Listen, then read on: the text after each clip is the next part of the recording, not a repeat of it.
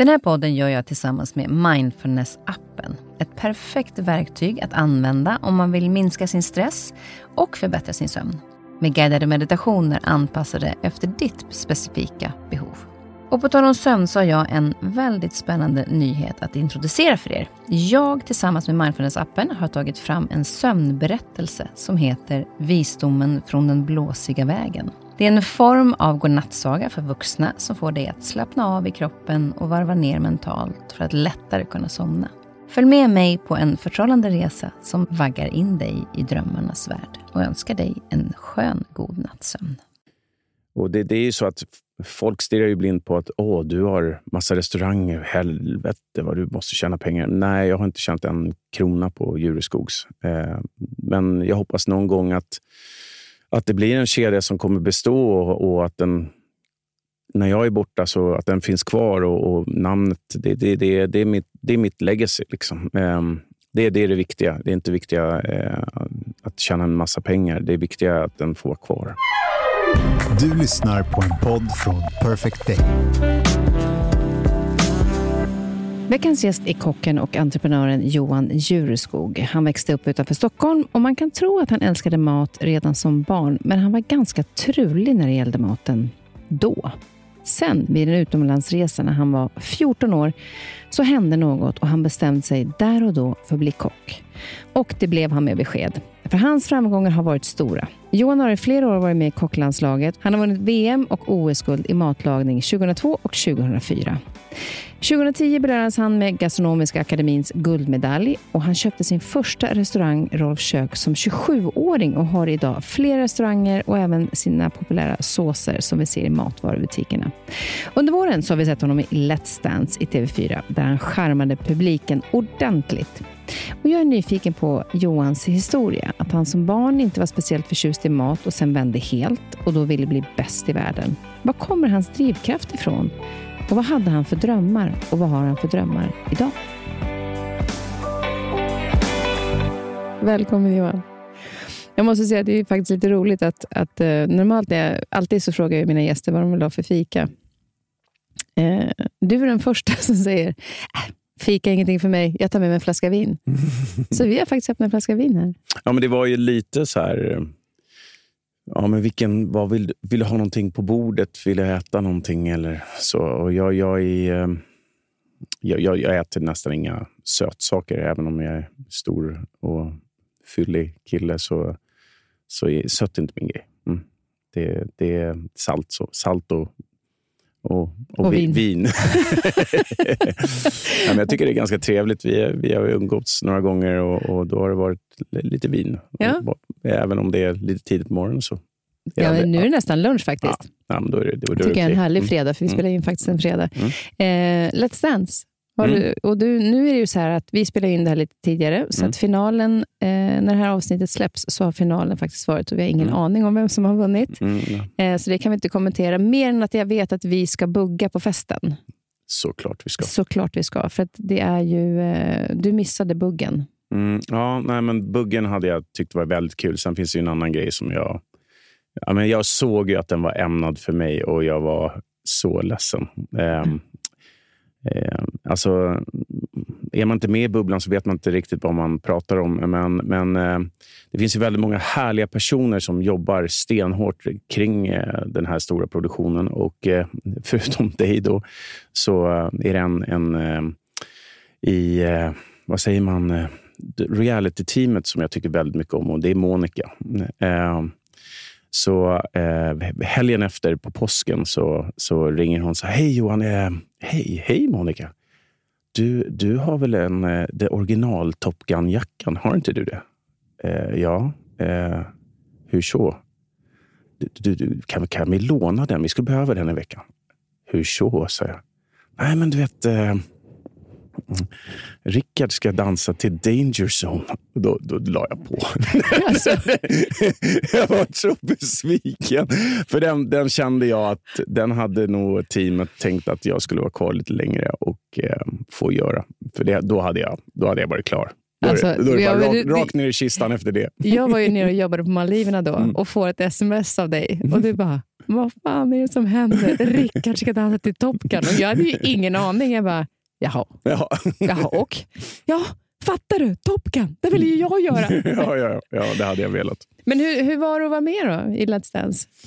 Ja, men nu har man ju fått eh, lite distans till det här. Jag har varit borta några veckor eh, och eh, kommer tillbaka i min, min lite vanliga rutin. En stor saknad, jättestor saknad. Och, ehm, ehm, det är svårt att förklara vad, vad man är med om, men jag, jag, jag, eh, det, det, det var en av höjdpunkterna i, i mitt liv so far. Eh, och det, det, det, jag hade väldigt så här jag hade ganska distans till det här programmet innan och man hade sett liksom folk prata ut och man bara, kom igen, det, det är ett tv-program och jag har gjort några tv-produktioner. Det, det, det, det, är fantastiskt roligt, men det, det kändes som att det, det var lite hysteriskt. Um, och jag är en väldigt sådär rak person och, och flummar inte iväg för mycket. Um, och jag känner mig hur flummig som helst efter det här programmet. uh, nej, men, På vilket sätt då? Nej, men jag, alltså den bubblan. Dels, dels är att du får komma in i en situation där du, där du ska umgås med en människa mellan 30 och 60 timmar i ett stängt rum och lära dig någonting som du inte kan. Det, det, är, en, det är en galen upplevelse bara det. Och sen, sen är jag ju, jag kommer inte från showbiz eller har stått på scener och dansat. Eh, jag har stått på scener och pratat och kanske hållit föredrag. Eh, men jag har inte rört på mig på det sättet. Och eh, eh jag, jag har dessutom gjort några försök på aerobicsklasser och insett att det var inget för mig. Så det här var ju en jätteutmaning för mig. Men det, det, som var väldigt fin tid, det, det, och det, det är säkert väldigt utarbetat under åren, det är att man, man tänker så här, varför ska vi vara nästan sex veckor innan första programmet och dra igång det här? Liksom. Det är jättekonstigt, men det, det var en väldigt fin startsträcka för att komma in i den här bubblan som, som, som gänget är i nu. Eh, för att man ska orka och förstå och vilja vara kvar. Eh, för det, det, det, du, du försvinner från all realitet eh, under de här veckorna man är med i det där. Eh. Det säger också ganska mycket om hur svårt det faktiskt är att lära sig tiodans. Ja, att du måste liksom, de här veckorna för, för det vet jag bara till exempel de som har ändå dansat förut. Mm. Eh, jag, tror att det var Erik Saade eller någon, i den genren som pratar om det. Att Visst, jag kan röra mig till musik, men att göra det till tiodans, det är så... Och det är nästan liksom... För att det är så otroligt annorlunda. Och det är så svårt, oavsett om du är liksom nybörjare eller, eller liksom har, har testat någon form av rörelse tidigare. Klart att har man musiken i sig så är det lättare. Men, men det är svårt och det krävs ju då att man får vara med de här veckorna innan och också få skapa den här kemin som faktiskt mm. blir. Men vad fick dig att tacka ja till Let's Dance? Då? Var du på direkt eller?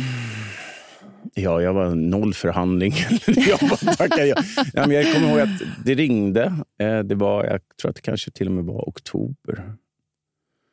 Och, eh, och eh, casting, jag kommer inte, kommer inte ihåg vad hon hette, men, men hon ringde och var jättegullig och, och frågade om jag skulle vara, vara med. Och jag bara spontant, ja, men jag måste fråga min fru. Uh, uh, och, sen så, och min fru är så här. Jag har varit med om två och ett halvt år pandemi. Det här programmet är vad du behöver. Kör. Mm. Uh, och Det var helt rätt för mig. Det var i rätt tid. Jag hade inte så mycket planerat under våren. och Jag har, har ju några företag och är, som, som är beroende av mig. så naturligtvis var det ett beslut från alla företagsledare och vd och, och så att Eh, ska jag göra det här, då, då, då, då, måste jag få göra det här och inte, då får ni ta över ratten. Eh, och Självklart är, är, jag med, men jag kan inte, jag kan inte stå på golvet, tror jag, eh, på, på restaurangerna eh, på det sättet jag gör normalt. För att jag tror att jag kommer vara jättetrött. Och Jag försökte faktiskt några gånger att gå in, eh, men det gick inte. För att jag, jag, var för, jag var helt slut i huvudet. För det, det som var så intressant med, med att lära sig dans, det är ju de olika stegen. Först ska du lära dig någon slags grundtanke kring dansen eh, utan musik. Och grundsteg. Och, och sen så ska du liksom börja göra lite slingor, eh, eh, kombinationer. Eh, Och så när du har hittat någon slags känsla på det, då eh, ska det börja göras en koreografi. Och så ska man då sätta de här säkert tusentals stegen som det är under de här en och en halv minuten eh, på rätt sätt. Eh, det ska vickas rumpa här och det ska, det ska röras händer på rätt sätt. Eh, och hitta en liksom självsäkerhet i det. Och Det var det vi pratade väldigt mycket om. Självsäkerheten som måste fram. För annars får du inte det, det ansiktsuttryck som är naturligt. Eh, för då, är du, då ser du livrädd, i alla fall jag. jag innan jag kom till den här självsäkerhetströskeln så, så blir man helt, ser man helt livrädd ut. Eh, sen ska det läggas på musik på det här. Och Då ska du följa musiken och höra musiken och takterna. Takterna tyckte jag var svårt på många av dem. Eller jag fick tre låtar, eh, men tre låtar. Eh, på vissa är det jättesvårt att höra takten. Och på vissa eh, danser så ska du inte gå in i takt ett, utan du ska gå in i två. Och du vet, det, det, det är svårt jag, att förstå hur svårt det här är. Liksom. Kunde du märka skillnad på när man var i replokalen och, och lyssnade på låten och sen när man kommer in i studion och så mm. får man höra livemusiken? Mm. Att det kändes som att det gick långsammare? Ja, jag, tänkte jag, jag, jag, jag, tänkte inte att våra låtar gick så mycket långsammare. Jag blev mer så förvånad för att jag lärde mig ju var någonstans i låten ja, vi ska göra vad. Eh, och Det gjorde du säkert också. Mm. Eh, och Jag var så här orolig, speciellt första gången. vi ska, kommer det här? Det här är livemusik. Kommer det här låta likadant? Och kommer de sjunga den där lilla tonen på det där rätta tillfället där man ska göra den här eller, eller gå in liksom, i, i eh, koreografin. Och jag måste säga hatten av till de som, som gör den här musiken. Vilka stjärnor! Alltså mm. helt galet. Jag tyckte nästan oftast lät bättre där än vad det gör på, på bandspelaren. Eller när bandspelaren ja, för, för det, är ju, det är en sån skillnad eftersom det är, musiken kan man tycka låter mm. likadant, mm. men den gör ju inte det. Mm. Även om man sen liksom sätter det mm. också. Mm. Men jag, jag kommer ihåg att jag hade så bråttom Kalle var så här, vänta lugn, det är rätt takt. Jag bara, fan, jag tycker att det går så långsamt. Okay, okay. Jag fick en helt annan, jag tror, vet inte om det är också att rummet är mycket större och mm. att det blir en, liksom en, annan, en annan grej. Men det är ju en, en väldigt speciell tid. Men just också den här bubblan som man pratar om med, med vänskapen och eh, när människor går igenom samma sak som en själv, fast man upplever kanske på olika sätt. Men man är ändå en, på en resa. Mm. Eh, hur var den gemenskapen, skulle du säga? I, vad har den betytt? Gemenskapen bland eh, allihopa som, som eh, ja, den betydde ju mer än vad jag kanske trodde. Eh, jag tyckte att i början så, så, så, träffades man inte så mycket och sen så träffades man mer och mer. och Speciellt när man kom in i inspelningsveckorna så var det en eh, gemenskap som, som, som var helt otrolig. Jag var ju väl, om sanningen ska fram, rätt eh, frustrerad sista veckan. Eh, det gick inte så bra för mig att, att lära mig att dansa samba. Vi tränade typ ihjäl oss. Ehm, det kunde vara över tio timmar per, per, per dag den sista veckan för att det skulle sitta för mig. Kropp liksom, eh, det sa så här, nej, jag är rätt klar med det här. Det här funkar inte. Eh, jag känner inte att jag... Det gör inget om jag åker ut på lördag. Lite så kände jag. Också tror jag för att samba var så svårt. Eh, så jag, Alltså krishantering eh, och eh, saker och ting eh, för att skydda sig själv eh, hanterar vi på olika sätt. Och min, en av mina stora kriser var ju pandemin. Och, och där lärde jag mig jättemycket om mig själv, hur jag funkar. Och när jag kommer in i en pressad situation, då målar jag gärna upp fan på väggen. Alltså, berätta. Vad är det värsta som kan hända? Det här är det värsta som kan hända. Och, och intala mig att det där kommer hända. Och sen blir allt annat plus. Eh, och eh, Det där har vi pratat jättemycket om hemma. För att jag, jag eh, nej men, eh, under pandemin så trodde jag att vi skulle få sälja allt vi äger och har. Eh, och eh, det, det, skulle jag, det berättar jag gärna för min fru att det får hon vara med på. Jag hoppas att hon älskar mig ändå. Eh, och nu vart det ju inte så. Eh, men, men det är så jag hanterar och då, då, då var jag fine med att jag åker ut. Nu åkte jag ut också. Nej, men jag, eh, jag, jag, jag, men jag fick ganska bra poäng. Jag kommer inte ihåg vad vi låg i tabellen där. Um, vi var i alla fall inte sist. Ja, det farliga är ju faktiskt många gånger att komma på mitten. Ja, ja, mm. Jag vet inte om vi var ända där uppe. Nej, men, men just de, man säger det att de som är längst ner och längst upp röstar folk på mm. oftast mer. Mm. Därför man vill rösta upp den som är längst mm. ner och sen har man en favorit högst upp som har gjort det bra ifrån sig. Men, men det som jag tyckte var så otroligt häftigt med dig, mm. för du hamnade i duellen mm. båda gångerna. Och när, man, när det ropas ut att du är i duell och du bara skriker ja!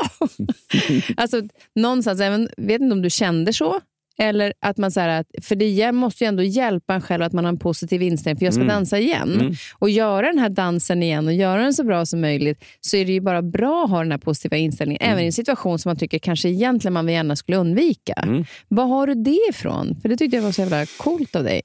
Jag vet inte, det kom ganska spontant, men jag är så här, Det som jag hatar i livet, det är ovisshet.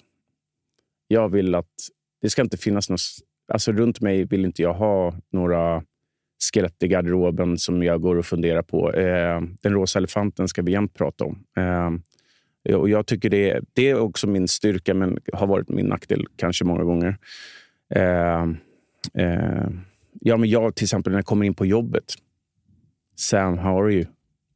Eh, eh, man ser direkt, jag, ser direkt, jag är så duktig på att läsa om människor eh, och känna hur de känner. Och Då vill jag prata om det. Och så att eh, jag vet att, att allting runt mig är okej. Okay, liksom. Eh, med det sagt så, så, så, så typ, vart jag glad, för då visste jag ju att nu är jag i duell och då ska vi inrikta oss på det. Mm. Eh, det, är ju jätteläskigt att stå där och inte veta, hamnar jag i duell eller inte? Hamnar jag i duell, då är det ja! och det gjorde du ju så sjukt bra. Du höjde nivån också på duellerna. Alltså du gjorde ju det. Ja. Alltså, du steppade ju upp, det sa de ju båda gångerna, att, att du verkligen levererade. Mm. Och sen är det ju liksom, du kan säga att du inte har dansat eller stått på en scen. Mm. Men fasiken, charmigare människa som tar publiken får man ju leta efter.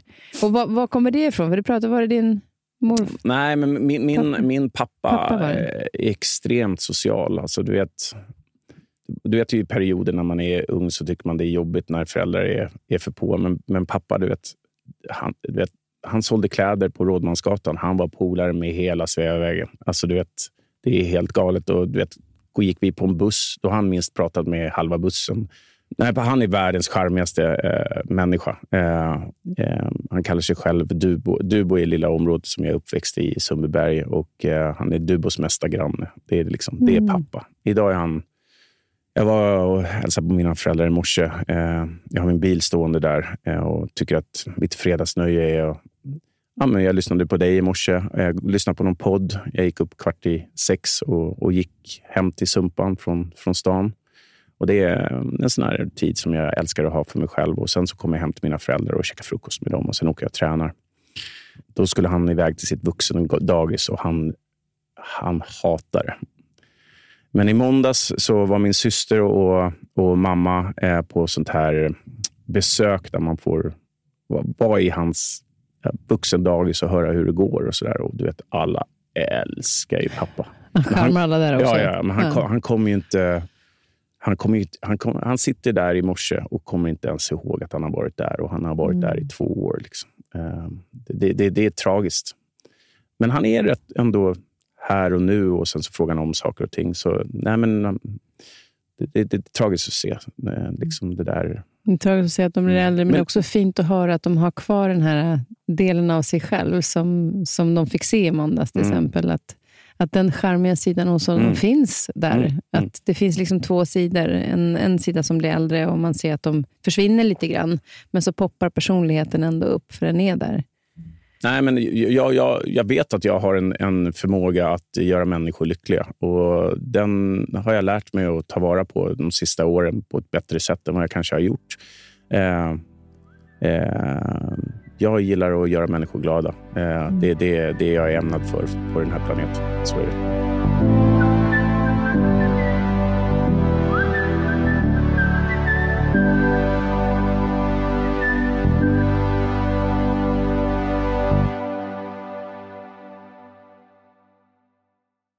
Så härligt. Men då, när vi ändå pratar om eh, mamma och pappa, så eh, kan vi bara lite din, din bakgrund. Då, för Ni växte upp då tillsammans med din bror och syster ute i Sumpan. Eh, men hur skulle du beskriva den uppväxten du hade?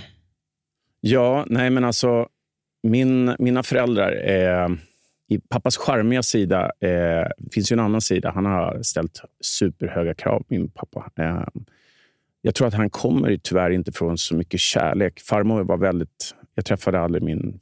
Jag träffade min farfar, absolut. Han är min... absolut, Men det, det, det är inte min biologiska farfar. Han gick bort i tbc eh, när pappa var fyra. Eh, så han fick aldrig några egna barn och jag var det första barnbarnet. Så, så han tog hand om mig.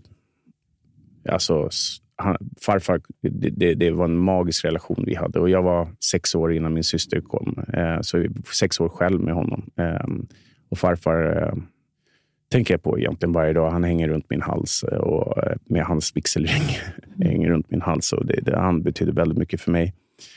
Men, men ehm, pappa var väldigt hård och han, var, han, han, han har inte visat så mycket kärlek. Ehm, det har han inte gjort. Han, han har väldigt svårt att uttrycka känslor. Och vi hade väl eh, en, en, en tomten i far till alla barnen. Vad är det heter? Jul, jul, eh, en riktig sån jul för några år sedan. här. Mm. Jag, jag, jag åkte, innan jag fick barn så åkte jag alltid runt till alla mina kompisar och var tomte.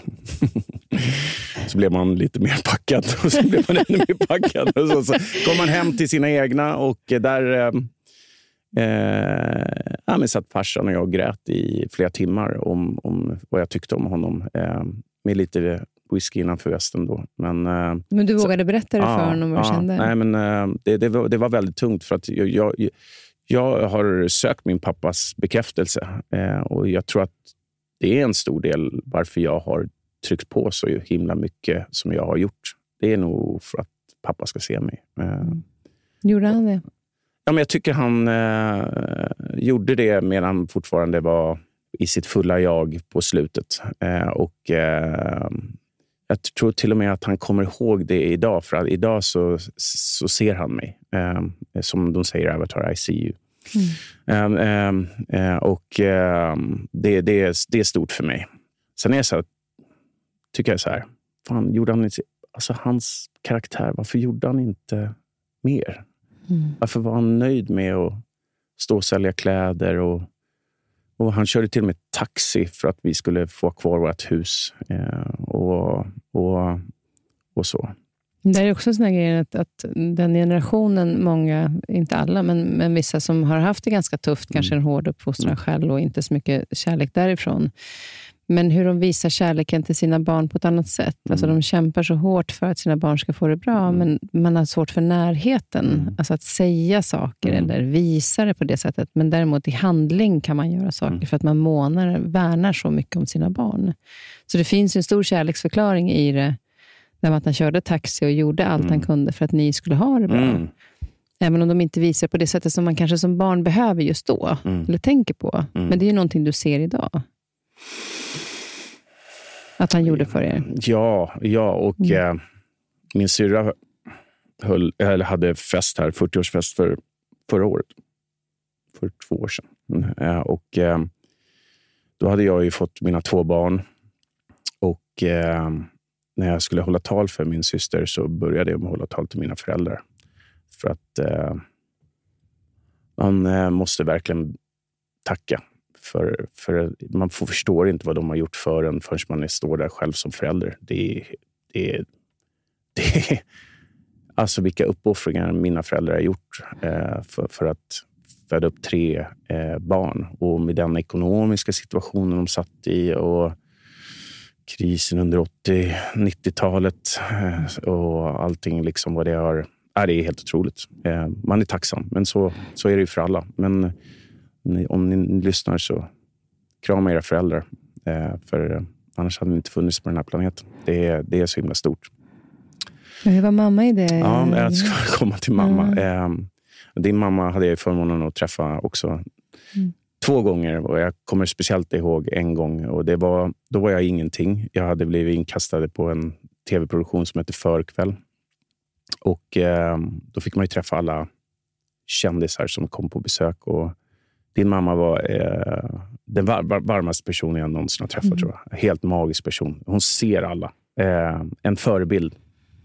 Eh, verkligen. Eh, men när det kommer till min mamma så är det verkligen så här ska man säga, mamma. Kärleken själv. Eh, hon, är som en, hon har varit som en målvakt för oss alla tre i, i hela livet. Liksom. Hennes första, andra, tredje, fjärde, femte prioriteringar är sina barn. Eh, och eh, allt vad det innebär. Eh, så där har jag fått kärlek i överflöd. Eh, eh, så jag kan inte sluta prata om min mamma, för hon är, hon är helt magisk. Och hon är fortfarande väldigt med och, och ställer upp till hundra procent. Eh. Men nu kan du känna, för eftersom ja, jag är ju inte min mamma kvar eh, tyvärr, men, men, pappa då också eh, är, lever ju och är med fortfarande. Men man börjar märka att de blir äldre. Liksom. Eh, och Det är en sån, just som du säger, att det är en sån stark kärlek som man typ vill värna varje dag, för att man vet, det finns en sån tacksamhet för allting de har gjort. Eh, och Sen vet man att oavsett, alla kommer ju att lämna jordelivet en dag. Mm. När, oavsett när den blir. Men mm. det blir mer påtagligt att fasiken, nu börjar man se att det, det, kommer att bli ett slut en mm. dag. Hur kan du känna inför det, när man har haft ändå den typen av olika relation till föräldrarna, men, men ändå en stark relation? Hur kan du känna inför det, sen när man ser att de börjar bli äldre? Nej, men jag, jag, jag, jag kan inte tänka mig ett liv utan, eh, utan ja, Mamma har det jättetufft just nu med pappa. Eh, och eh, Hon lider mest av det här. Pappa förstår inte. Han, han är, stövlar på som vanligt. Eh, men hon har det ju riktigt tufft med farsan. Eh, Eh, eh, men jag kan ju fortfarande inte tänka mig livet ur dem och hur livet skulle vara utan dem. Eh, det, det förstår inte jag riktigt hur det ska bli. Jag har, jag har faktiskt inte börjat bearbeta det än. Nej, nej. mm. Men, men, när, när det händer den ena så börjar man ju förstå mm. det, det, Men jag kan inte bara tycka att det är så fint att du ändå pratar om det och att du pratar med din pappa om det och att man reflekterar över det. Mm. För det, det gör det lättare, att oavsett när den dagen sker, mm. så tycker jag att det känns lättare att man har pratat om det. Mm. Därför att med dem, mm. för jag kan till exempel med mamma känner jag att jag har inga frågor till henne. Alltså jag har ingenting, inga frågor som jag inte har fått svar på. Nej. Det finns ingenting jag inte har sagt. Och Det tror jag att det gör det lättare att saknaden är lika stor, men sorgen är inte lika tung, utan mm. den är ganska ljus. Mm. För att jag har, nej men jag har ingenting som jag inte fick säga. Och det, det tror jag ibland, som du säger, att när du höll tal till dem först, mm. mm. att man får säga det, mm. så att man vet att de har fått höra det. Alltså sådana saker. Jag tror det är en ganska viktig grej bara, att, mm. att när, när de blir äldre, att man tar vara på det. ska man kanske göra under, under livets gång, men vi är ju ändå i en så här, Ja, ja, men de kommer ju, det är långt mm. kvar. Mm. Alltså, man tar inte tag i det. Nej, men jag är ju äldst och har varit duktiga förstfödda sonen, duktiga pojken. Och jag har ju idag eh, andra ekonomiska möjligheter än vad mina föräldrar haft. Eh, så jag... Eh, de, ehm, de pratade jämt om att åka till New York, eh, men de gjorde det aldrig. Ehm, eh, sen kom jag ihåg eh, eh, första bra året med restaurangen och vi fick en utdelning eh, så, så bestämde jag mig att en stor del av de pengarna ska gå till att ta mina föräldrar till New York. Så vi åkte 2008 till New York eh, och, och upplevde det tillsammans. Eh, jag hade heller aldrig varit där innan. Eh, det var min första New York-resa. Men sen så ett tips till alla så där, som går och funderar vad de ska göra. Eh, så bestämde mig att i 70-årspresent så ska mina föräldrar få tio dagar med mig. Så först ut var ju pappa och det är snart tio år sedan. Ehm, så då frågade jag pappa, vad vill du åka? Vad vill du uppleva ehm, som du inte har gjort? Ehm, du får tio dagar var du vill på den här planeten med mig. Och Då valde han Highway One och han ville avsluta i Vegas. Så då gjorde vi det. Och Det var, det var faktiskt precis det du säger, att man eh, man, man, varje kväll så, och varje dag så kanske blir lite djupare diskussioner med lite vin. Vi dricker lite vin nu faktiskt. Eh, men men, men eh, då, då, då får man svar på många av de där frågorna som man funderar på. Var kommer jag ifrån? Eh, av, av, rent också egoistiskt eh, syfte. Liksom. Eh, vem är jag? Varför finns jag på den här planeten? Och Det är jätteintressant. Eh, sen var det mammas tur, eh, tre år senare. Och, eh, då tänkte jag så här, flika in att jag fortfarande inte sett Japan, men jag tänkte att då hade det varit kul att se Japan och uppleva Japan med mamma. Eh, men hon vill åka samma resa som pappa Nej. hade åkt. Så vi åkte Highway 1 och gjorde Las Vegas och åkte helikopter i Grand Canyon en gång till. men eh, det, det, var, det, det, var också fantastiskt såklart. Men mm. de ville väl ha någonting att prata om. Mm. Eh, så gjorde jag en så här fin, tog massa bilder och så gjorde jag en fin bok för varje resa som de sitter och tittar igenom. Det, och sen också det här tycker jag är så fint, att dels att man gör resor, men det du gör idag, när du promenerar ut till dem varje fredag och käkar mm. en frukost. Mm. Alltså, den är ju, det, är så, det finns olika, många olika sätt att göra på att vara närvarande. Mm. Men att man hittar den rutinen. Mm. Jag har en kompis som eh, berättade att hon, hennes pappa ringde alltid sin mamma på fredagar, eh, mm. för de bodde inte i samma stad. Och Sen eh, gick farmor bort. Och nu gör de samma sak. Mm. Och jag är ju så van att prata med min pappa telefon eftersom han är i Norge. Men nu har jag bestämt mig för att varje fredag så ringer jag honom, för han är inte lika aktiv att ringa längre. Så då ringer jag. Mm. Um, men det är så fint att ha den, att man har någon form av rutin i det, där man ändå möter dem. Men, men jag tänkte tillbaka till dig, till dig då som barn. Hur var du som barn? För du är ju ganska liksom... När jag såg dig och vi träffades under Let's Dance så är du ju väldigt Eh, det man ser dig där, så otroligt charmig och väldigt utåtriktad. Men var du det även som liten? Jag var ju nervös för allt. Jag var ju runt min mamma hela tiden. Eh, mamma, eh, här kommer inte jag ihåg själv, men eh, första eh, Lucia-tåget så, så eh, kom jag aldrig ut. Eh, jag eh, kräktes. Och eh, Det där har ju liksom följt mig genom åren också, att jag har varit världens blygaste person. Eh, fram till typ tonåren. Ehm, eh, alltså prata inför klassen. Du vet, jag låg ju sömnlös på nätterna eh, för att det var så läskigt. Men jag vet inte egentligen har något svar på det här. Det som man kan fråga sig varför jag är extremt utåtriktad nu. det, är, det är väl att man liksom... Jag tror att det är i grunden att att jag fick mitt självförtroende genom att jag har varit jätteduktig som kock. Mm. Um, ja, men sen, sen, sen, sen, under tonåren så, så förändrades jag eh, jättemycket. Jag, eh, jag var lite rund när jag var liten. Det var väl inget jätteproblem, men jag sköt i höjden. Jag tror jag växte 20 centimeter på ett år och typ höll samma vikt. Från att liksom, tjejerna kanske inte tittade på en så började tjejerna titta på en och man fick växte självförtroendet med det. Eh, och sen att framförallt att jag valde helt rätt i livet, att, att bli kock. Men det där tycker jag är så intressant, för när man har läst om dig så var inte så här, mat var inte någonting du var jätteintresserad av som liten. Nej. Utan det hände på en utlandsresa.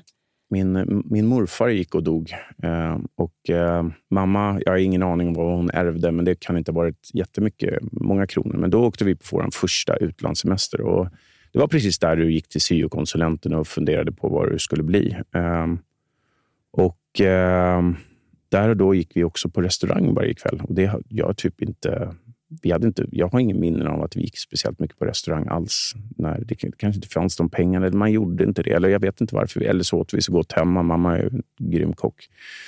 Men då var jag helt så här, wow, vad har jag missat? Vad spännande det är med mat. För jag, jag tyckte mat var jättetråkigt. Kvaliteten på köttet var för dålig. Eller jag, jag, jag, ja, men färdiglagad mat, eh, vad ska man säga? Köttbullar, makaroner, kille. Liksom. Eh, pizza och sånt där. Det tyckte jag var gott. Men eh, sen bara öppnades hela liksom, världen med, med eh, smaker. Och eh, där och då på Mallorca 89 bestämde jag mig för att jag skulle bli kock. Um, jag tycker det är så coolt med sån här helomvändning på något sätt. Att mm. man kan liksom vara en resa då. Tänk vad den har betytt för dig egentligen. Att mamma gjorde den resan med er. Mm. Eh, och du hittade din väg i livet. Mm. Det är rätt eh, intressant, det här sliding doors-grejen eh, lite grann. Men, men då, då blev det att du sökte till gymnasiet då? Eh. Jag, jag, sökte till gymnasiet eh, som enda från då eh, Ängskolan i Sumpan till kockgymnasiet, restauranglinjen som det hette då. Det är ganska tuffa intagningspoäng då på den tiden. Jag tror att det var, var typ en av de högre. Alla skulle bli kock, eh, var det verkligen på den tiden. Eh, och Jag kommer ihåg att min syokonsulent, fan med din hjärna, du ska inte, ska inte satsa på något annat. Så här, eh, vad hette det? Eh, den tuffaste linjen. Eh, natur. Natur, typ. Eller någonting. Men jag bara, nej, nej, nej. Alltså den magkänslan som jag fick av att jag skulle bli kock, den har jag haft med mig hela mitt liv. Eh, när jag känner att liksom min mage eh, styr mig. Min mage styr mig hela tiden. Att Det här tror jag på. Det här kör vi på. Och så kör vi bara. Och sen så no regrets. Jag ångrar, ing, jag ångrar aldrig någonting egentligen. Utan jag bara går, jag kör på. Uh, och uh, nej men eh, så, så, då kom jag in på den här linjen och vi var väl 260 elever i, i, i min årskull som gick på Sankt, Sankt Görans gymnasium. Ja, jag hittade ju helt rätt. Det, jag ska säga att det var många som var skoltrötta, men vet, jag, jag gjorde inget annat än att laga mat, tänkte mat, köpte mattidningar. Jag, jobbade... ja, men jag såg det, jag läste det. Du ja. köpte mattidningar, satt hemma och läste liksom inte bara det pluggar, utan du sitter hemma och ja, letar ja. eget. Ja, och så, plus att jag, jag tog över egentligen hela matlagningen hemma eh, för att testa. För att det som är väldigt viktigt när man, som jag, som jag säger till, till...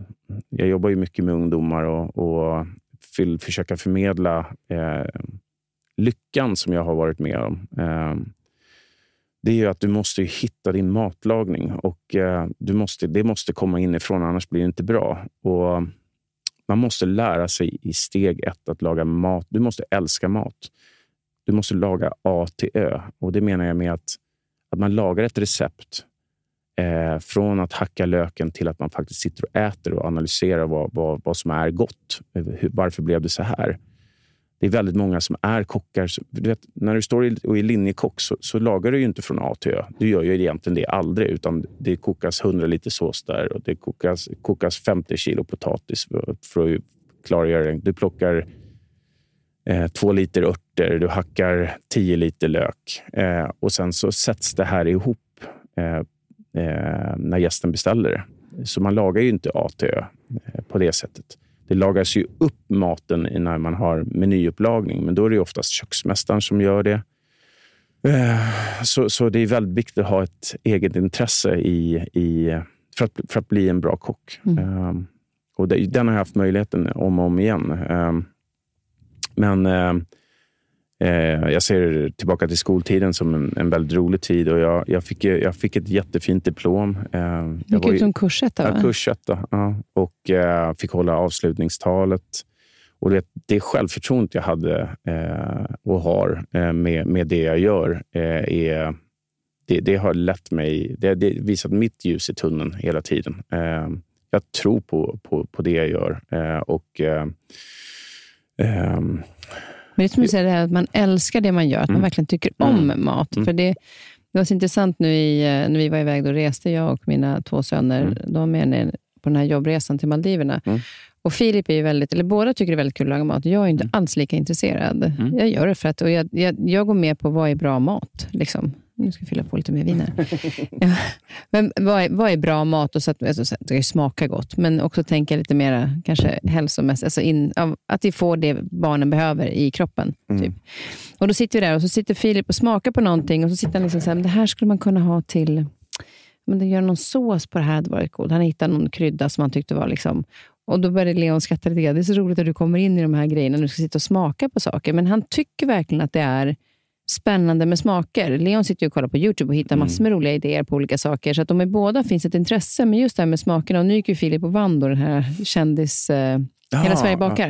Okej, okay, vann han den? Ja, han och Michel Tornéus vann ju. Häftigt, han vinner allt han ja, nej, Men jag, på ett sätt blev jag förvånad för att vi har inte bakat jättemycket. Mm. Men jag är inte förvånad på det sättet just att, du, som du säger, att när man verkligen tycker någonting är roligt, mm. alltså det är spännande. Sista, mm. sista programmet så sprang jag runt bland liksom kryddorna och bara, Alltså jag hittar inte vilken krydda jag vill ha. Alltså han, han gick och doftade på allting och Michelle till nu får du fan bestämma dig. Ja, men jag vill få ihop den här mixen.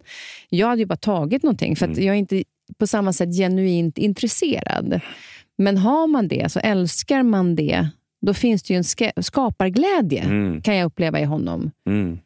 Han trodde han skulle vara där en dag, men han var där hela, veckan, liksom hela tiden. Men, men den skaparglädjen, att det är den du menar, även om det inte är storkök, så att, är, att du kan göra det för en, en den ena rätten. Mm. Att känna de kombinationerna och tycka att det är roligt. För du pratar ju ofta om att en glad kock är en bra kock. en glad kock är, är en bra kock. Och jag, jag, jag var ju väldigt besviken på, på media under 90-talet när det blev liksom när, när de här kockprogrammen kom upp att uh, Gordon Ramsay bara står och skriker och sån här förnedrings-tv. Att, jag kommer ju från det där och det, det har gjort den perioden i Frankrike där det var, alla var arga och, och även i Sverige. Jag höll på att lägga av på mitt första jobb eh, för att det var en sån penalism så att det var helt galet. Eh. Och sen träffade jag eh, Norbert Lang nere på Polo Norbert efter några år jag hade jobbat. Och var nervös. Han var, det, är, en jätte, jätteskön historia hur jag träffade honom. Jag, jag var i lumpen och, och, bestämde mig för att jag ville jobba med Norbert för jag hade hört att han, han det var väldigt mytomspunnet, lilla Polo Norbert nere på Strandvägen. Och under en permis så gick jag in och sa att eh, här vill jag jobba. Det är mig du har letat efter. alltså, snacka om att hitta självförtroende. Jag älskar det. Ja, men, men, och, eh, det, det, han hade ju ingen plats för mig. Men sen så var det en kille som skulle sluta och då hade jag ju varit väldigt... Eh, lumpentiden var ju, det var ju helt galen som kock. Eh, jag, eh, jag hade bestämt att jag skulle på HMS Karlskrona, långresefartyget som, som eh, är Sveriges flaggskepp. Eh, men det, det var ingen, man, man kunde inte söka dit, utan man fick komma ner på en skola där det var ungefär 60 elever, som, eller 60 militärutbildning. Eh, militära intendenturskolan i Karlskrona. Det är det svåraste mm. ordet. Jag har fortfarande inte lärt mig det. Vad bra du tog det långsamt. ja, eh, då, då, är det tio veckors grundutbildning på... För alla var inte utbildade kockar. Eh, för att man skulle då sättas på båt. Eh, och Då ville ju alla på Karlskrona. Och Då var det nio platser. Då lyckades jag komma på den. Sen lyckades jag även bli för då fick vi reda på att när man väl kom på den där båten så skulle en bli fartygschefens personliga kock. Var inte det den första tävlingen typ du gick in i? Ja, men typ. Och så, så lyckades jag bli det också. Och där, när jag pratar A till Ö, så var det ju, det var ju helt galet. Eh, eh, vi skulle åka på en långresa. Jag skrev alltså 60 menyer med recept innan vi åkte, som jag var tvungen att ha som ett kompendium för att vi skulle köpa de råvarorna vi inte trodde vi skulle hitta.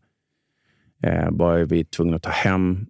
Ja, Fiskar filerades, kött styckades, frös in och sen så drog vi iväg och så köpte man grönsaker under resans gång och, och det man hittade. Liksom. Men eh, alla kadetter då som var med på den här resan eh, och alla officerare skulle passera chefens eh, fina 14 det var 14 platser eh, och så var det jag och en hovmästare som skulle se till att de åt en trerätters. Vi fick då skriva meny eh, från de här menyerna jag hade. Det kunde, kunde vara andra menyer också, men på den resan gång fick man ju då kreera.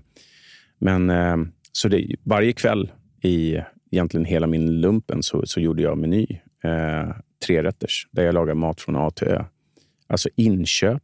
Jag var 20 år gammal. Inköp, 14 personer, sätta vin i kombination till det här.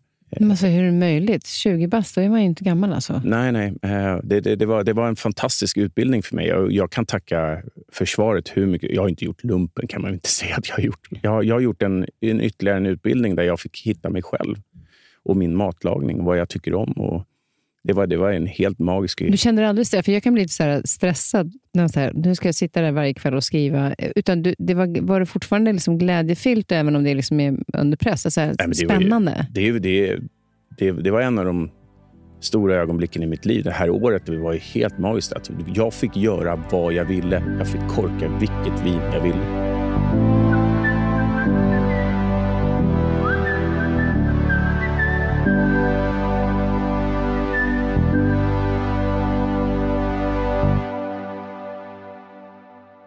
Men sen fortsätter för du, du har ju varit utomlands också. Ja, men sen var det ju då Paul och Norbert.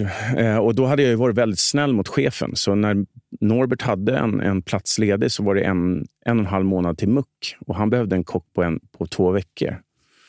Så då frågade jag min kommendörkapten, eh, fartygschefen, om, om det fanns någon möjlighet. Det här är min chans i livet. Liksom.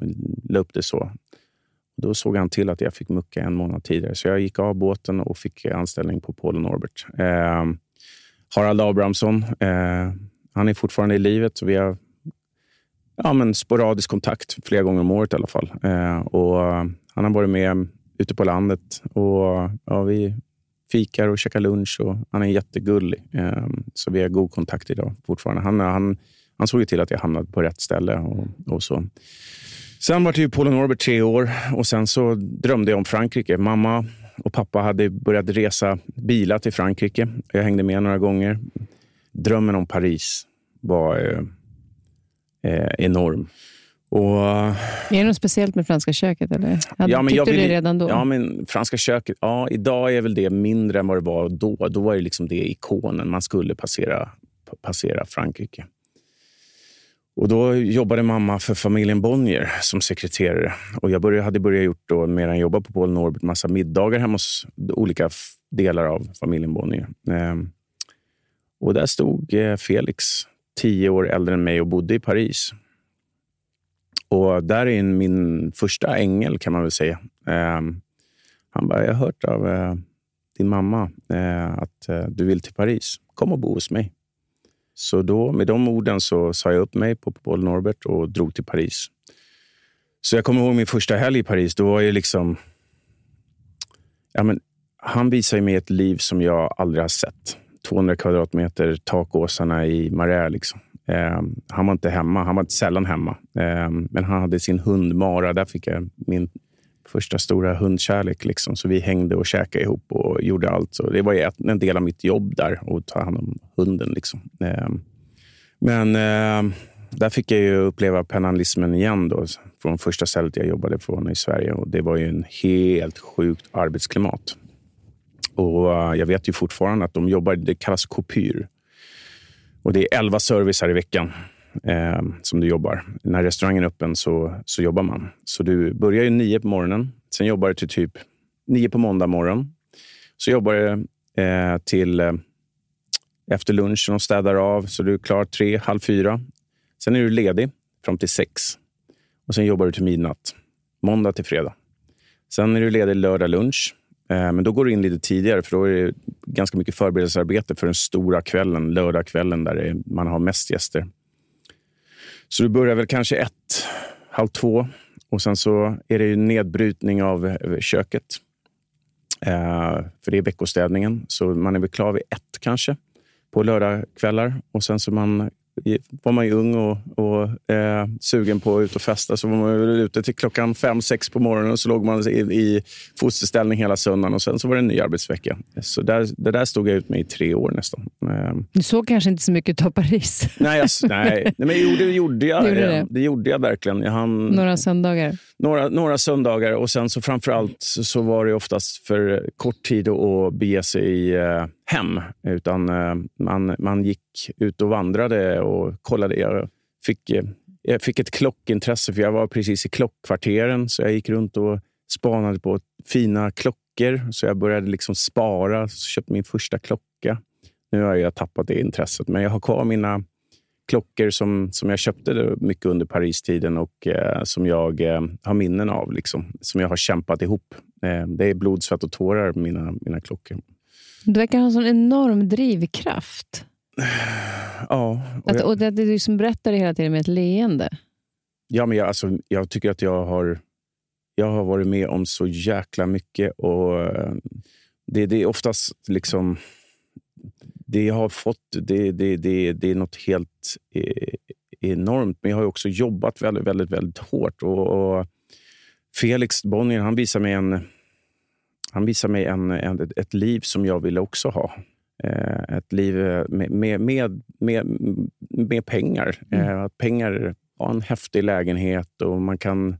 Alltså, livet är lite lättare med pengar, så är det. Och Det är jättefult att prata om i Sverige, så det får jag tugga för. Men jag har jobbat hårt. Mm. Men det är väl också det att när man kommer från den bakgrunden där man kanske inte hade så eh, alltså föräldrar jobbar dubbelt för att se till att vi har det bra. Mm. Även om ni hade liksom en fin uppväxt så är det ändå det kämpa hela tiden. Inte för glädjen av maten, utan glädjen för att få maten på bordet. Mm. Eh, den, den är ju väldigt annorlunda, men att, att någonstans hitta det här lugnet som faktiskt en del pengar kan göra. Sen kan det gå över, de som tjänar jättemycket pengar kan ju skapa en stress för att de är rädda för att inte få 100%. behålla dem. Så det finns ju liksom en balansgång i det. Men att faktiskt känna den känslan att jag behöver inte vara orolig. Eller vi kan Mm. ha en bra dag utan att jag tänker på varje grej jag går och handlar. Mm.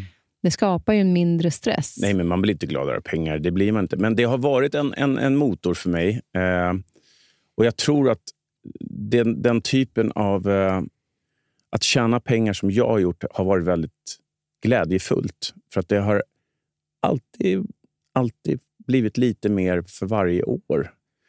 Eh, jag hade, tjänat, jag hade tjänat ihop 300 000 kommer jag ihåg när jag åkte till Paris. Eh, jobbat extra och hade sparat. Eh, och eh, bodde fortfarande hemma. Eh, och Sen så kommer jag ihåg att men jag lyssnade på pappa, men pappa har ju ingen koll. Eh, han sa så här, du har ju fått anställning, för det var väldigt viktigt för mig i Paris, att det skulle inte kosta. utan Jag fick också två jättefina stipendium som jag gick och åt för och, och, och sådär. Eh, eh, så pappa rekommenderade, låt de där pengarna arbeta medan du är borta. Jo, men jag gick och köpte för 300, alla, alla pengar gick jag och köpte Ericsson-aktier. De var värda 30 000, eller 29 000 kronor när jag kom hem, tre år senare. Så där började jag eh, med 29 000 kronor på fickan eh, 2001 när jag kom hem från Paris. Eh, och fick anställning då som köksmästare på Rolfs kök.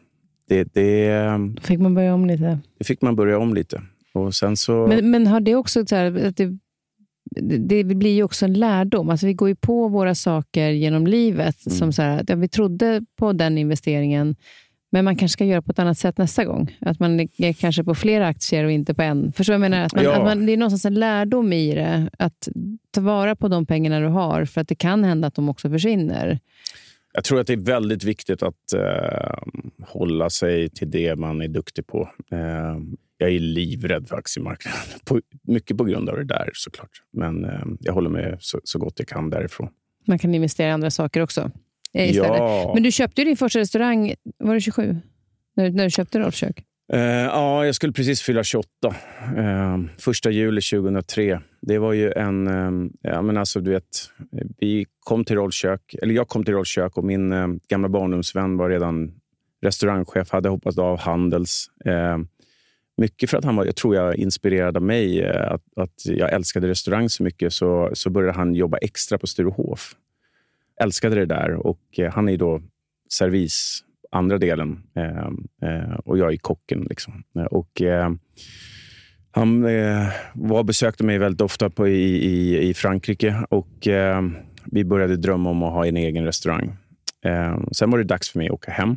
Då tog jag anställning på, på Rolfs kök där han var redan restaurangchef. Eh, han hade jobbat upp sig jättesnabbt. Så då skulle vi då driva Rolfs kök åt Rolf Nilsson som då är bror till PG Nilsson, krogkungen i stan. Och eh, han ville väl göra resan som sin bror hade gjort, men det gick inte så bra för Rolf. Han eh, öppnade Sveriges första rökfria krog här nere på Stureplan som hette Herr Nilsson. Och det var väl eh, en jättefin sats- satsning och Jonas Bolin hade gjort en jättefin inredning. Det var en helt magisk restaurang, men jag tror att det var lite för tidigt för 2003. Att, eh, det var väl några rökare i ett sällskap och så sa nej, dit kan man inte, där får man inte röka. Du vet, alla satt, det är helt sjukt idag. Alla alltså, satt och helt rökte sjukt. Alltså, alla satt och rökte överallt. ja, det är helt sjukt. Man, man tänker på det ibland när man går in på Mm. restauranger. Man bara, men tänk att folk satt så här bordet bredvid och Mm. rökte. Mm. Nej, det är helt sjukt. Nej, men sen så öppnade han Rolls kök på golfklubben eh, i Lidingö, Lidingö golfklubb. Och så öppnade han Rolls kök i Täby. Och så skulle han liksom, men det, det gick inte eh, alls. Så, och Det ska man veta med restaurang. Det är väldigt svårt att driva restaurang och göra det lukrativt. Eh, Vad är svårigheten med det? Alltså det är extremt personalkrävande. Du måste ju vara... Alltså logistik. Alltså, vi pratade förut om att jag har varit en duktig kock. Men jag är också ganska så här duktig på att driva restaurang med rätt människor. För att jag hade inte varit någon där jag är idag om det inte hade varit för mina... Jag har, jag har över tio personer som har jobbat med mig över 15 år. Min högra hand har jobbat med mig i 20 år. Och eh, jag hoppas, om han hör det här, ärtan, att han är anställd fortfarande. jag ser till att det rör runt i grytan så det händer saker, så han håller sig sysselsatt. Jag tror han tycker fortfarande att det är jättekul. Han är gudfar till, till Greta. Jag hade inte varit någonting utan honom. Eller det kanske jag hade varit, men du förstår vad jag mm. menar. Men man, man ska, ska, du liksom satsa på, på, på restaurang så är det väldigt viktigt att ta hand om din personal. Um, och Det är väldigt viktigt att se människor och, och se till att de har fantastiskt eh, runt omkring dig. För att, eh, och det är svårt. Idag har jag fem, nästan 500 anställda. Så, så det, Men hur många restauranger har du nu? Um, det, det, är, det, det är rollkök, eh, det är AG och sen är det två köttbutiker. Då, en på NK och en på Sankt Eriksgatan. Och sen är det då 13 djurskogsrestauranger som snart blir 15. Um, Eh, häftigt att vi ska öppna på nya Arlanda, eh, mm. Terminal 5. Vi vann den offentliga upphandlingen på ter Terminal 5. Så vi håller på att bygga eh, Sveriges, eller Arlandas största restaurang genom tiderna som alla är tvungna att passera. Så det, det kommer bli häftigt. Och Då vet man vad man ska äta när man åker. Ja, men Djureskogsresan har varit allt annat än glädjefylld. Det, vi öppnade under pandemin och det, det har varit väldigt svårt. Och det, det är ju så att folk stirrar ju blind på att Åh, du har massa restauranger. Helvete vad du måste tjäna pengar. Nej, jag har inte tjänat en krona på Djureskogs. Eh, men jag hoppas någon gång att, att det blir en kedja som kommer bestå och, och att den när jag är borta så att den finns kvar och, och namnet, det, det, det, det, är mitt, det är mitt legacy. Liksom. Um, det, det är det viktiga. Det är inte viktiga eh, att tjäna en massa pengar. Det är viktiga att den får vara kvar. Eh, jag försöker gå in i en, en ett, ett, segment som är, är beprövat av fantastiska McDonalds, fantastiska Max och Burger King, men göra det lite fräschare, lite modernare, lite nyare. Eh, och för att ge svenska folket en ännu bättre hamburgerupplevelse. Även fast jag tycker de är, de är jätteduktiga och jag har stor respekt för dem. Men det, det, det har varit jättesvårt att skapa det här under pandemin.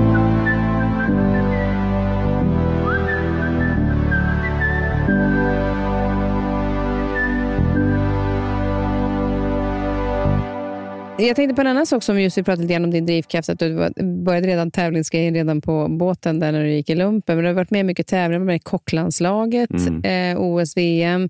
Finns det någonting som du fortfarande känner så här, fan det där har jag inte uppnått än? Eller känner du, kan du känna så här, oj vad jag har varit med mycket? Är det en... Vad, vad, är det för typ av djur? Har du sett Kung Fu Panda? Mm. Inner peace. Mm. Det är det jag skulle vilja lära mig. Um, jag känner att jag har nått en, en, en, nivå i livet där jag känner att jag skulle vilja ja, alltså, nypa mig själv lite i kinden, kolla vad du har åstadkommit. Var lite nöjd någon gång.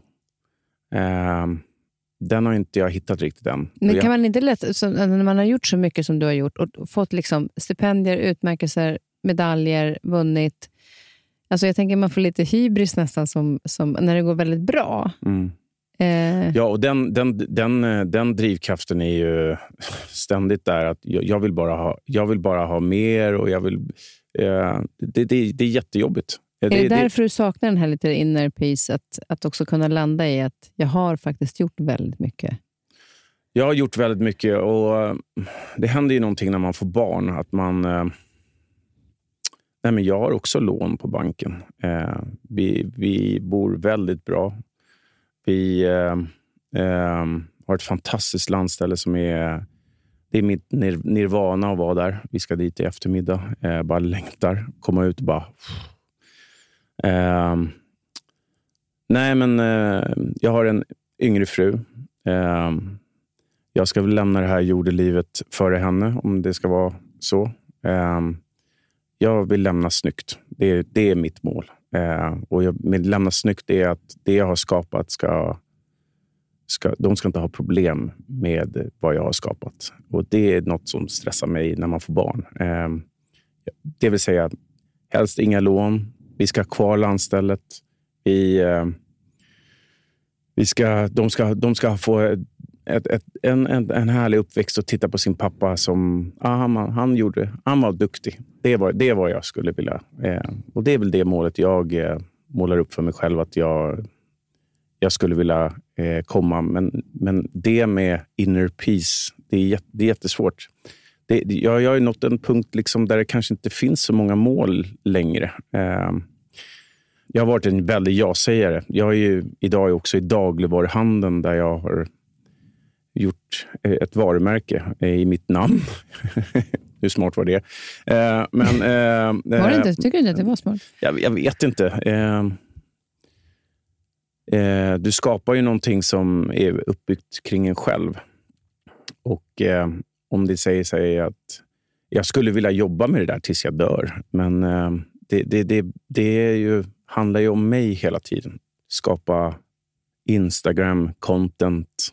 Det är, du skapar ju, skapar ju bara jobb och det är svårt med inner peace. Jag har en grill som är en sån här porslinsgrill som heter Kamado Sumo. Och Det är också uppbyggt kring mig och Instagram-content och åka på mässor och stå och, och, och sånt där. Och det, det, det, det, det, det, det är svårt. Men kan du ändå känna att du har gjort de här sakerna för att du faktiskt också verkligen vill? Du vill ju dela med dig av dina såser, du vill ju dela med dig av Mm. den bästa grejen för att man ska få den bästa erfarenheten. Så att det finns ju en glädje i det, för du pratar om det glädjen hela tiden. 100%. Ja, men men, 100%. men det, jag tycker att det är lite härligt när du pratar om det här, för att jag känner igen mig extremt mycket i det du Mm. säger just nu. Därför att det har hela tiden funnits en vilja att man liksom vill prestera mer och man vill göra mer och man vill göra mer. Och någonstans ska jag känna, nu är jag ju äldre barn än vad du har. Och är ju också på en plats där jag, säger, jag vill bara... Jag kan absolut känna lugnet till och från, men, men det här jagandet hela tiden på att liksom se till att man har jobb och att man försörjer och att det- de ska ha det bra efter mig och så vidare. Och de säger bara, men mamma, kan du bara ta hand om dig också? Alltså, Mm. nu är de så pass stora, så de ser ju det. Mm. Men det finns fortfarande den här balansen mellan, om jag säger ja till ett jobb, så är inte det bara det jobbet, Mm. utan det innefattar väldigt många andra sidogrejer Mm. som jag egentligen känner att både du och jag borde ha lärt oss det. Mm. Men ändå så säger vi ja och så inser man att äh, ja, för, och när de säljer på det, ja, men det här kommer inte innebära så mycket för dig. Mm. Nej, och sen bara, Och sen nej bara men jag vill ju ändå vara med och bidra. Mm. Och då blir det ju mer. Mm. Men att hitta den... Och Då kan jag känna så här, varför är det så svårt att landa i, jag har det jag har nu, du har det du har nu. Göra, förvalta det du har. Mm. Och så kan man skruva lite och göra lite Mm. bättre, men också vara närvarande i den inner peace Mm. parallellt. Mm. Istället för att hela tiden tänka att ja, men när du inte är här längre, skit i det. Alltså, du har ju redan presterat där Jo. du är. Jo, men man, man, man, det, det poppar ju upp frågor. Alltså det, det, man, jag tänker ganska mycket. och man tänker, jag, jag tänker ganska... Jag är alltid, egentligen allt jag gör, tänker långsiktigt. Men att driva företag, och jag har tio bolag nu. Nej, Jag blev alldeles andfådd när jag läste det. Så, så alltså det, ett bolag är färskvara och det måste underhållas som ett äktenskap. Eh, annars så går det åt pipsvängen och då står det där. Eh, eh, och jag...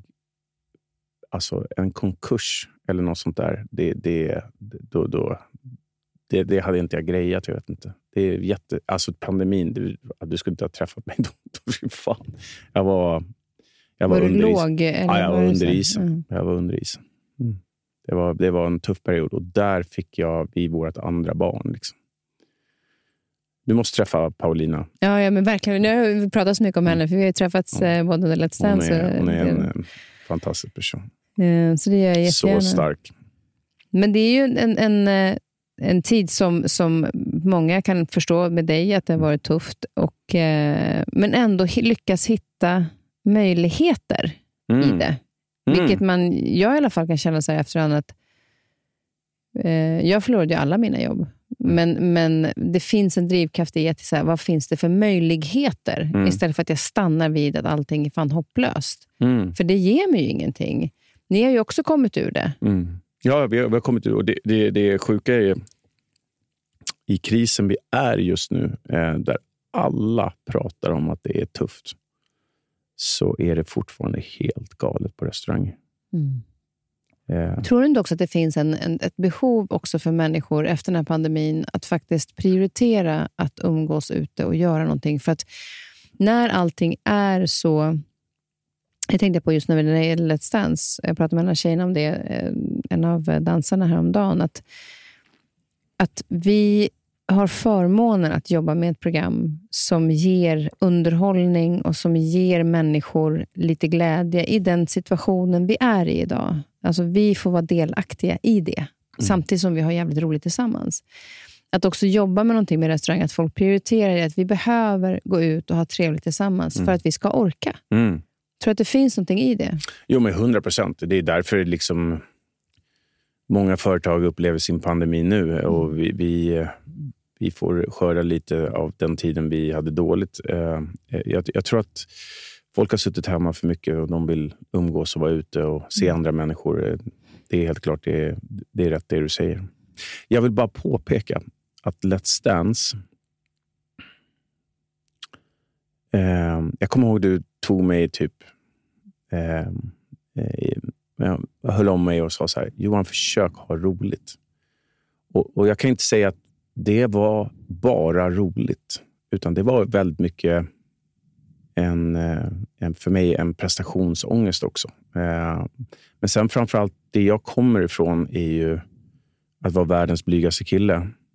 Så har jag liksom försökt utmana mig hela tiden i livet med att göra läskiga saker. Ehm, jag har med, med min fru övervunnit eh, rädslan för hajar till exempel. Idag älskar jag att dyka när du var på Maldiverna. Jag är nästan besviken att du inte dök, eh, men jag hörde att du hade klasser och grejer. Eh, men, men eh, det är helt magiskt att få försvinna iväg. Men, men eh, jag måste ändå säga att liksom Let's Dance storhet, jag menar, det är bland det tuffaste man kan göra som människa. Tror jag. Vad är tuffare än att ställa sig för uppiskade 600 människor med någonting som du inte egentligen behärskar alls. Inför en miljonpublik. Ja, och så miljonpublik. Det är helt galet. Men det jag vill säga med Let's Dance är att den där bubblan är... Du, du, du, det är som att du är... Du, alltså det är som att du är inne i någonting och ingenting annat räknas. Att få försvinna i den liksom långfilmen och bara koppla bort allt. Det, det unnar jag alltså alla människor. För det, det, var helt otroligt. Och, och, Jag vill bara säga med Let's Dance som avslutning, liksom, och vi kan prata vidare om det. Det var ju att jag var ju rätt klar. Jag, jag, jag, jag stod där i sista veckan och sa att jag är klar. Jag, jag, jag tror inte jag orkar mer. Eh, mm.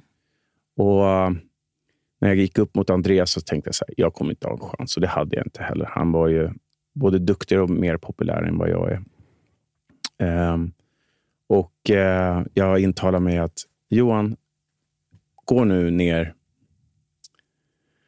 uh, till er uh, och var bara kärleksfull. Och så bara gå ner och bara var glad och försök uttrycka hur jäkla kul det här har varit. Och, och jag bara jag, jag kommer inte ihåg vad jag sa, men jag, jag tror att jag sa ganska bra saker. Men där kommer det där, för det är som du säger, en glad kock är en bra kock. Mm. Eh, och Man är kanske inte alltid glad som kock, man behöver påminna sig om att om jag har glädjen, mm. så gör jag det lättare för mm. mig själv. Och Det är mm. väl kanske det också som jag, eftersom jag har gjort samma resa och varit i den här bubblan och eh, gått ut och känt att fan, det här fixar inte jag. Mm. Alltså det här, vi ligger efter med koreografin. Det här är, jag känner inte alls att jag kan hantera det. Att någonstans inse, men jag har ändå möjligheten att få vara med om det här. Mm. Att, att ändå känna den glädjen. Men det är, det är det som är så sjukt med produktionen. För att det är så det är såna starka känslor från olika håll som möts. Det är en prestationsångest, mm. det är en glädje, men det är också känslor i så många saker. Mm. Men det händer här och nu mm. och sen är det över. Mm. För även om, nu gick jag hela vägen, men jag sa ju till dig när, när vi träffades efter Let's Dance, att även om jag gick hela vägen så var det tomt direkt efteråt. Oavsett när du åker ut så är det tomt. Ja, och det var det jag ville komma fram till. Alltså, efter produktionen så liksom alla mina anhängare kom fram och bara, min fru sa så här, Fan, du var jätteduktig Johan, du fick göra din revansch och peppade mig järnet. Du, du, du, ska vara stolt över dig själv. Och jag bara, ja, det var kanske dags att lämna in. Det känns bra det här. Så gick vi ner på Sturehof, beställde en alldeles för stor flaska eh, rödvin var det. Eh, och eh, bjöd in eh, Sjöbergs de dricker inte. så jag drack i sjuka mängder. Och sen så vaknade jag upp dagen efter i den största tomheten jag har haft tror jag, i mitt liv. Eh, och eh, eh, jag, jag grät som en liten eh, pojke eh, och tyckte att livet sög. Eh, och där var du väldigt fin som skickade meddelande och, och så drack vi lite vin dagen efter och pratade Du var om så det. fin, för jag skickade bara så frågade bara för att stämma av att allting var okej. Eh, och sen så svarade du och så, så sa jag så här, men se till om du vill ses, därför att jag vet ju själv hur tomt det blir. Imorgon klockan, imorgon klockan 16. Jag bara, "Åh, okej, jag fattar. Nej, men det är, och det är den, och jag tror inte att man förstår det om man inte, förstår det om man inte själv har varit med. Alltså på samma sätt som det faktiskt är. Och även om man känner sig redo att gå därifrån och man är trött och det är liksom klart, och, så är det ändå en tomhet. Ja, jag vet inte vad som hände, om det var liksom stressen bara släppte. Eller, Mm.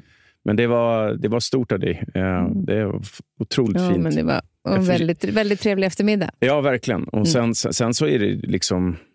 Jag menar, jag är världens lyckligaste gifta man, men jag saknade Hedvig jättemycket. Jag, Mm. ja, men det, är så, det är så sjukt att förstå. Liksom, här har man liksom delat allt med en person upp till 50 timmar på en vecka. Men Ja. Då visar det sårbar också för en person som Mm. man inte egentligen känner. Nej, nej. Alltså man, man, blir ju, man utelämnar sig själv väldigt Mm. mycket för någon och sen så det bara, ska det bara vara borta då? Ja, då, Nej. Hux flux, pang, pang bom, borta. Mm. Nej. Nej. Du, du har ju så mycket... Alltså herregud. Hur länge har jag pratat? Nej, vi har pratat så länge. Vi måste försöka runda av här. Men jag tycker du har så underbara liksom, dina intressen. Jag måste bara fråga, cowboyhatten. Cowboyhatten. Den, den dyk, dyker ju upp här och där. Mm. Vad kommer det av? Ja, Jag drömmer ju om att, jag drömmer ju så mycket om, eh, om att, att få ha en ranch och vara Clintan på riktigt.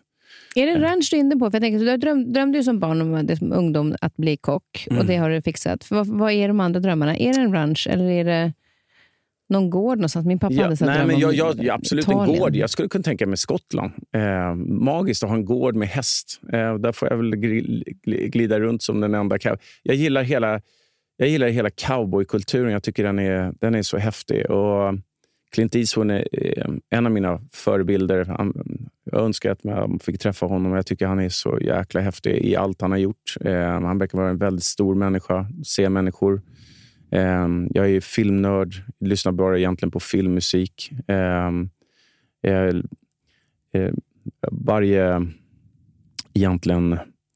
I var, varje, eh, jag är väldigt känslig. Eh, och jag, jag, genom, genom filmer så, så, så kan, och filmmusiken så, så får, jag, får jag gråta. Och jag sätter på gamla filmer. Eh, Idag behöver jag gråta. Sätter jag på en film som jag vet att jag kommer lipa. Och jag menar, har du sett Million Dollar Baby? Har du sett Nej, Nej, nej. Boxaren eh, Hillary Swank. Ja, precis. Jag vet. Eh, den är, ja, nej, men han har gjort så mycket. Ehm, ja, jag, eh, Men en film som jag har gråtit till med eh, Clint Eastwood det är eh, Bridges of Madison ja, County. ja, ma- magisk. Meryl Streep. Nej, men alltså på riktigt. Den är ju helt sanslös, den filmen. Nu när jag var i New York i, i december så eh, jag har ju hyllat den krogen som världens bästa hamburgare för jag tycker att de har det i mina tv-program. Så jag, jag har ju royal treatment på den där krogen. Och där vart ju också jag Vilken min krog var det? eh, Minetta Tavern i New York. Ja. Och varenda gång man går dit så är det någon megastar. Så jag satt bredvid stolen bredvid Meryl Streep sist. Nej, jag orkar inte. Och jag, jag, jag, jag, jag skulle aldrig få för mig att, att säga någonting, men bara sitta där med Meryl Streep bredvid, bredvid som jag tycker är den Alltså, hon är så häftigaste och och kvinnliga den- skådespelaren. I den filmen, man ser varenda liten sån här rörelse när Ja. han ställer sig Nej, den är så cool. Alltså, Clinton har gjort många andra filmer, Mm. men just den tycker jag är så, eh, så fantastisk. Mm. faktiskt i det. Men du, det är så, kort bara, du är så härlig i det, för jag har ju sett dig väldigt mycket, där du pratar om din känslomänniska, jag har sett dig i Let's Dance, jag har sett din glädje och din utstrålning. Blir du arg någon gång? Jag har en känsla av att jag inte vill se dig arg, men du- kan du bli riktigt arg? Eh, Ja, ja, och besviken. Men, men jag, jag blir extremt sällan arg. Jag vet inte när Mm. jag var arg senast. Mm. Eh, den, den jag mest blir arg på, det är mig själv. Alltså, det, det, det. Men, men eh, jag tror... Eh, jag har inte behövt... För, nu låter det så här. Men, men jag, jag är 1,95. Jag, jag jag behöver inte ha mitt ledarskap och bli arg.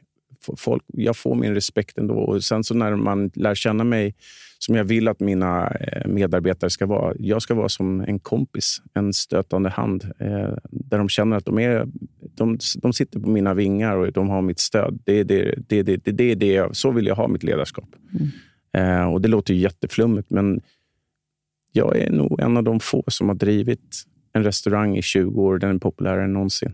Um, um, och jag hoppas det säger någonting. Det ska du vara stolt över. Ja, det är jag. Mm. Mm, bra. Mm. Du, det är sommar snart. Vad händer?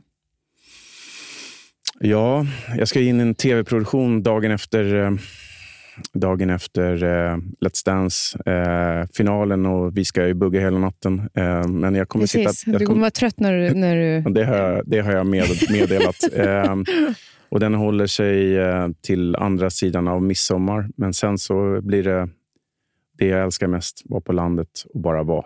Och då har jag ju sagt att jag kommer att hälsa på dig. Du ska. För snart är min båt... Alltså jag har inte köpt den än. Fast jag hoppas det när det här sänds. Mm. Och det är tack vare dig. Ja, nej, men så generöst delar med dig av kontakter. Ja, men... Eh, så att man hittar... Jag är lite ny, alltså ny i båtvärlden, men jag, är liksom inte, jag har kört båt mycket när jag var yngre, och så, men inte haft en egen båt. Och Nu ska jag köpa min första egna båt. Det är klart du ska. Ja, det är jätteläskigt. Det är läskigt och dyrt. Ja, det, om det är, någonting, det om det är någonting båt är så är det dyrt. Men då får man tänka som jag sa till dig i Let's Dance. Mm. Fan, ha kul. Man... Alltså, det är stressigt att man köper en, en båt och det är mycket pengar. Men jag ska fasiken ha kul under vägens gång. Man har bara ett liv, Kristin. Ja, och det, det, kommer... det lever jag efter. Så jag åker, åker ut till er och eh, till dig och Paulina och det är klart du ska. lägger till det vid bryggan. Det är klart du ska. Ska bara se till vad jag ska ringa och fråga först vad jag ska ta med mig för någonting. Ingenting. Du, vad är du nyfiken på? jag, jag eh, eh, väderleken. De säger att det ska bli en väldigt bra sommar. Har du hört det? Ja, jag har hört det. Typ 2018 eh, sommar. Nej, men när man bor i skärgården och du... Jag vet inte, älskar skärgården. Ja, mm. så, så, så, så, är jag är väderknarkare. Eh, vind och, det, det, är nog det som jag eh, är mest nyfiken på. Jag är nyfiken. Vet du att jag har varit väderpresentatör? Skämtar du? Vilken kanal? Jag började min karriär på TV3 Norge. Mm. Där pratade jag om sprätte regnbyger och glatte väjer. Alltid älskat vädret. Nej, men det blir ju väldigt sårbart också ute i skärgården, framförallt om man är ute med båt och är på en ö. Så är det ju. Men det vore ju fantastiskt om det kunde bli en sån 2018 sommar. Kommer du ihåg den? Ja, den var, helt... Du vet, du vet, vi låg i, i badet. Du vet, I en del somrar kan det bli max 17 grader ute i skärgården. Liksom. Eh, den sommaren tror jag vi var uppe på 26, 27. Man bara låg i hela tiden. Det var helt magiskt. Jag kommer ihåg, för det var ju, mamma dog ju på våren där. Mm. Och då, hela den sommaren var ju... Alltså från april, när hon egentligen gick bort, så var det en otroligt varm april-maj också. Och vi var helt ur, Hon har sopat molnen. Alltså. Mm. Nu ska vi ha en bra sommar. Så den sommaren var ju helt fantastisk, trots det som hade skett. Men det var verkligen som att hon verkligen ville att vi skulle njuta sommaren. Och det ska vi göra nu också. Det gör vi. Och du ska få avsluta med en låt. Eh, ja, ja, men eh, det blir filmmusikernas filmmusik. Eh, Ecstasy of Gold av eh, kungen Ennio Morricone. Då ska vi lyssna på den. Tack snälla Johan för att du kom hit. Alltså, du är, är helt underbar. Tack, tack, snälla och tack. tack för väldigt gott vin. Jag har druckit två glas vin nu. Det, det finns lite mer. Så trevligt. Vilken härlig inspelning. Tack så mycket Johan. Tack.